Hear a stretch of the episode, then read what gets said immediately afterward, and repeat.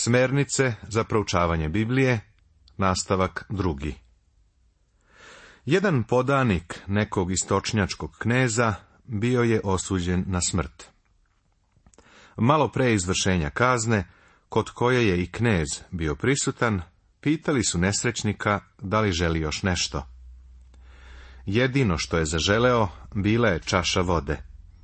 Ali kad su mu je dali, bio je toliko uzbuđen da je jedva mogao da drži čašu u ruci.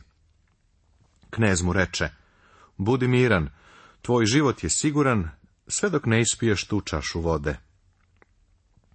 Očajni čovek na te reči prosu čašu. I dok su svi nemo stajali, polako su shvatali značenje njegovog gesta. Niko više nije mogao da vrati prosutu vodu nazad u čašu. Njegov život je bio spasen, jer kneževa reč nije smela da se prekrši. Koliko više Boga možemo da držimo za njegovu reč? A on nas još i ne želi osuditi, nego spasti. Koliko onda treba da mu verujemo kada je u pitanju Biblija, sveto pismo? Za sve koji joj veruju, ona postaje svetlo životnog kretanja. Psalmista David je kazao, Reč je tvoja svetiljka mojoj nozi i svetlo stazi mojoj. U časovima gorkih iskušenja ona je med našoj duši. Ponovo David ovako kaže za Božje zakone. Slađi su od meda koji teče iz saća. Božja reč je poput semena koje niče u svakoj raskajanoj i vernoj duši. Apostol Petar je zapisao da je svaki od duha rođeni hrišćanin, rođen ne od semena koje trune, nego rečju živoga Boga, koja ostaje do veka. Zato valja čitati sveto pismo. Ono je knjiga za nas, od njega za nas, od Boga za svakog čoveka, za tebe i mene, bez razlike, istina o svemu. Istina koja nas ne osuđuje, već poziva u zagrljaj spasenja. Vredi je čitati. Biblija ili sveto pismo na srpskom jeziku nalazi se već vekovima. Opšta je poznata činjenica da, kada se govori o srpskom prevodu, svi odmah pomisle na prevod Đure Daničića i Vuka Karadžića, koji je prvi put objavljen 1868. godine, i koji je od tada štampan u mnogo desetina izdanja. Međutim, nama do danas nije ponuđen prevod svetoga pisma na srpskom jeziku, a koji je urađen prema originalnim jezicima, sa takozvanog kritičkog prevoda sa jevrejskog Stari Zavet i sa grčkog Novi Zavet. Naši bibličari i teolozi Dimitrije Stefanović, Emilijan Čarnić i drugi – uspjeli su da objave tri prevoda Novoga Zaveta, koji su prevodi sa novozavetnog grčkog, a kada se radi o starom zavetu, nemamo prevod sa jevrejskog izvornika. Koliko nam je poznato, Jugoslovensko biblijsko društvo još uvek ne radi na prevođenju staroga zaveta sa jevrejskog originala. U materializovanju i obezduhovljenju neumitnim pratiocima našeg vremena, današnjice, skoro da smo zaboravili da sveto pismo među nama nije posljednjih 130 godina, već više od 11 vekova. Da smo na njemu gradili svoju duhovnost, pismenost, književnost, jezik kojim danas govorimo, umetnost, kulturu, moral i istoriju. Jedan od najstarijih rukopisa vezanih za srpski jezik i područje upravo je evanđelje Marijinsko. Najlepša srpska srednjevekovna knjiga je opet evanđelje Miroslavljevo. Najstarija poznata štampana knjiga na srpskom je Psaltir Cetinski, a prva knjiga štampana u Beogradu je opet evanđelje, nazvano Beogradsko. Danas se na srpskom jeziku može pronaći više savremenih prevoda Novog Zaveta i samo nekoliko staroga, ali saznajemo da je rad na prevodu Starog Zaveta već započeo. Za potrebe naših emisija od naredne nedelje upoznat ćemo vas sa novim prevodom prve knjige Mojsijeve, knjigom postanja. Kako znamo da je Biblija od Boga? Ovo je dobro pitanje i treba ga postavljati i na njega treba pružiti odgovore. Prvo, zahvaljujući očuvanju. Ovo je jedan od objektivnih dokaza, jedan od vanjskih dokaza. To je izvanredno i čudesno očuvanje Biblije. U drevno doba je bio jedan car. O njemu čitamo u proroku Jeremiji, koji je, kada mu je reč poslata, uzeo perorez i iseckao poruku na komadiće. Ali ona je ponovo napisana, tako da tu reč imamo danas. Kroz vekove Biblije su mnogo puta spaljivane. I danas postoji veliko neprijateljstvo prema Bibliji. U našoj zemlji danas Biblije se ne spaljuju, jer se smatramo suviše civilizovanim za ovakvo ponašanje.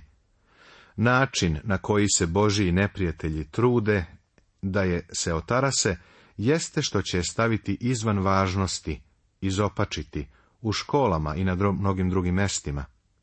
I još uvek tu razgovaramo o našim verskim slobodama i o slobodi govora.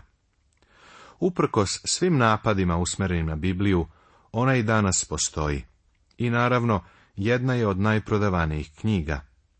Mnoge godine ona je bila najprodavanija knjiga, ali danas više nije. Žao mi je što to moram da kažem, ali to je istina. I ovo je zasigurno objašnjenje našeg savremenog društva. Ono nam otkriva da Biblija više ne zauzima mesto koje je nekada imala u istoriji i u životu ovih naroda. Ipak, smatram da je zadivljujuće očuvanje reči Božije vredno razmatranja. Drugi dokaz je arheologija. Sljedeći način na koji znamo da je Biblija Božja reč jeste kroz arheologiju. Arheološki ašov je prevrnuo mnoge stvari koje su dokazale da je ova knjiga reč Božija. Na primjer, kritičari su mnoge godine poricali da je Mojsije autor petoknjižja, i to na osnovu toga da zapisi nisu postojali u Mojsijevo vreme. U skorašnje vreme sigurno nisi čuo da neko širi ovakvu teoriju, zar ne? Pa, ne naravno, Godinama je već arheološki jašov iznosio i prevrtao dokaze o verodostojnosti Biblije.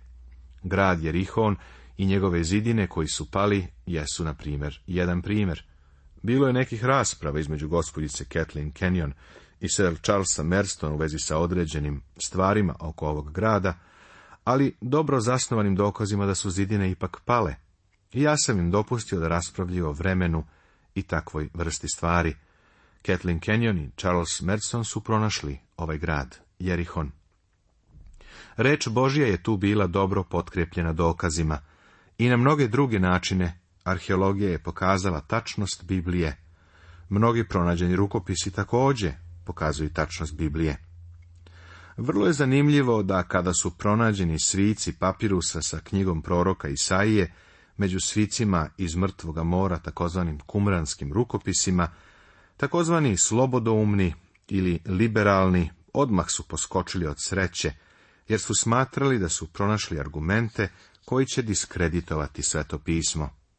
Međutim, ovi pergamenti nisu diskreditovali Bibliju, a liberali su izgleda izgubili interesovanje za njih. Ovo je polje u kojem možeš sprovesti dalje neka istraživanja, jer ja ipak ovdje ne mogu da idem u detaljno objašnjavanje, zbog kratkoće naše rasprave. Kada bi me neko danas upitao da li imam samo jednu stvar koja bi bila dovoljan dokaz da je Biblija zaista Božja reč, znaš li šta bih predložio? Predložio bih dokaz ispunjenog proroštva. Ispunjeno proroštvo je dokaz koji ne možeš izbeći, niti ga možeš zaobići. A Biblija je puna takvih proroštava jedna četvrtina svetog pisma ili ti Biblije, kada je ono napisano, bila je proročka, a to znači sljedeće. Objavljivala je stvari koje će se zbiti u budućnosti. Veliki deo toga, u stvari, mnogo veći nego što ljudi i misle, već se ispunio. Možemo se okrenuti ka mnogim mestima gde su se proroštva precizno već ispunila otkrivamo da je bilo mnogo lokalnih situacija koje su se ispunjavale čak i u vreme proroka. Na primjer, Mihej je bio prorok koji je Ahavu rekao da će, ako ode u bitku, kao što je planirao, izgubiti bitku i da će poginuti. Međutim, Ahavovi lažni proroci su mu rekli da će zadobiti pobedu i da će se vratiti kao slavni kralj. Pošto mu se nije svidelo ono što mu je Mihej rekao, Ahav je naredio da ga zaključaju i da ga hrane samo hlebom i vodom i saopštio je da će se za njega pobrinuti kada se vrati. Ali ovo su bile posljednje Mihejne reči. Ako se vratiš u miru, nije gospod govorio preko mene. Bog je očigledno govorio Miheju, jer se Ahav nije vratio. U borbi je poginuo, a njegova vojska je poražena. On se čak i bio prerušio, da ne bi bio u opasnosti i mogućnosti da izgubi život. Ali jedan neprijateljski vojnik, kaže sveto pismo, imao je još samo jednu strelu, jer je borba bila pri kraju i zastrelio je iz luka nagonom i ustrelio cara Izrailova, gde se zakopčava oklop. Ovaj vojnik u stvari nije ciljao ni na šta. Ali ta strela mora da je imala na sebi napisano Ahavovo ime, pa ga je pronašla. Otišla je pravo na mesto. Zašto? Zato što je Mihej dao precizno proroštvo u prvoj knjizi carevima u 22. poglavlju Staroga zaveta Svetoga pisma. Nekom drugom prilikom prorok Isaija Rekao je da asirska vojska koja je napadala neće ispaliti ni strelu na Jerusalim. Ovo je zapisano u drugoj knjizi carevima, u 19. poglavlju u 32. stihu. Pa to je baš zanimljivo. Mihejno proroštvo se ispunilo, jer je vojnik slučajno ispalio strelu. Zastrelio je iz luka nagonom. Možeš li zamisliti da među dve stotine hiljada vojnika tako veliki neprijatelj, neće biti ni jedan koji će biti srećne ruke da izvuče svoj luk i odapne strelu koja bi odletela preko jerusalimskih zidina.